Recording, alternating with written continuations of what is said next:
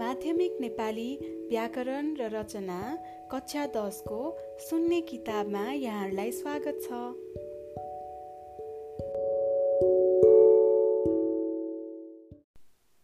अब हामी एकाइ छको दस नम्बर निपातमा आइपुगेका छौँ।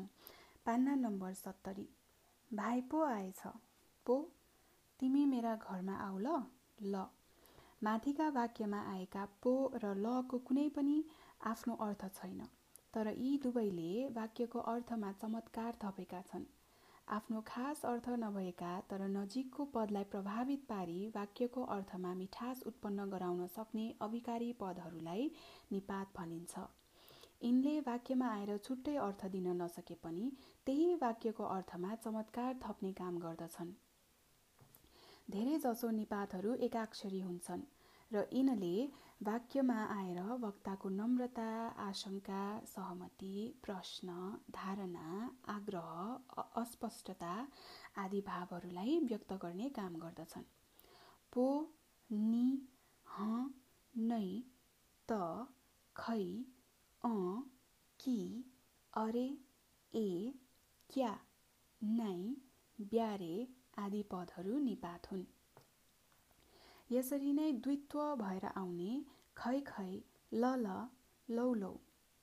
वाक्यकै काम गर्ने लौननी ल है त लौन त। अथवा बोलीचालीका क्रममा व्यक्तिगत थेगोका रूपमा आउने चाहिने चाहिने जो माने मालुम तपाईँको जस्ता पदहरू पनि निपात नै हुन्। तलको कथामा रेखाङ्कन गरिएका शब्दहरू निपात हुन्। चिन्नुहोस् र कापीमा टिप्नुहोस्। म हरेक वाक्यसँगै रेखाङ्कन गरिएका शब्दहरू दोहोऱ्याउँदै जानेछु। एउटा घरमा लोग्ने स्वास्नी थिए। उनीहरू सधैँ नै एकअर्कालाई हुच्याउने गर्थे। नै एक दिन बाटामा हिँड्दै थिए। त्यहाँ त एउटा गधा पो चढ्दै रहेछ। त? पो? श्रीमतीले भनिन् यता हेर्नुहोस् त। श्रीमानले प्रश्न गरे किन नि? केही भन्नु छ कि? त नि कि? श्रीमतीले गधालाई देखाउँदै भनिन् हेर्नुहोस् न तपाईँको नजिकको आफन्त भेटिनु भयो नमस्कार गर्नु पर्दैन। न र। श्रीमानले तुरुन्त जवाफ दिए ए हो त है म त झन्डै नदेखि गएको नि। ए त है नि। अनि श्रीमानले गदातिर फर्किएर दुवै हात जोडेर भने नमस्ते ससुराबा सन्चै हुनुहुन्छ नि? नि।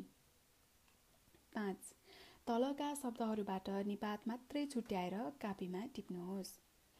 ए नेपाली क्या ठुलो पो भन गरिब ल मगन्ते नि को जुन नै यति अलिकति हो कालो मूर्ख अ हजार पहिलो खै दर्जनौँ कि आफ्नो क्यारे हाम्रो त सबै देखेको है पढ्ने भाइको न झापाली अरे बुद्धु लौ रातो होइन नाइ ल ल।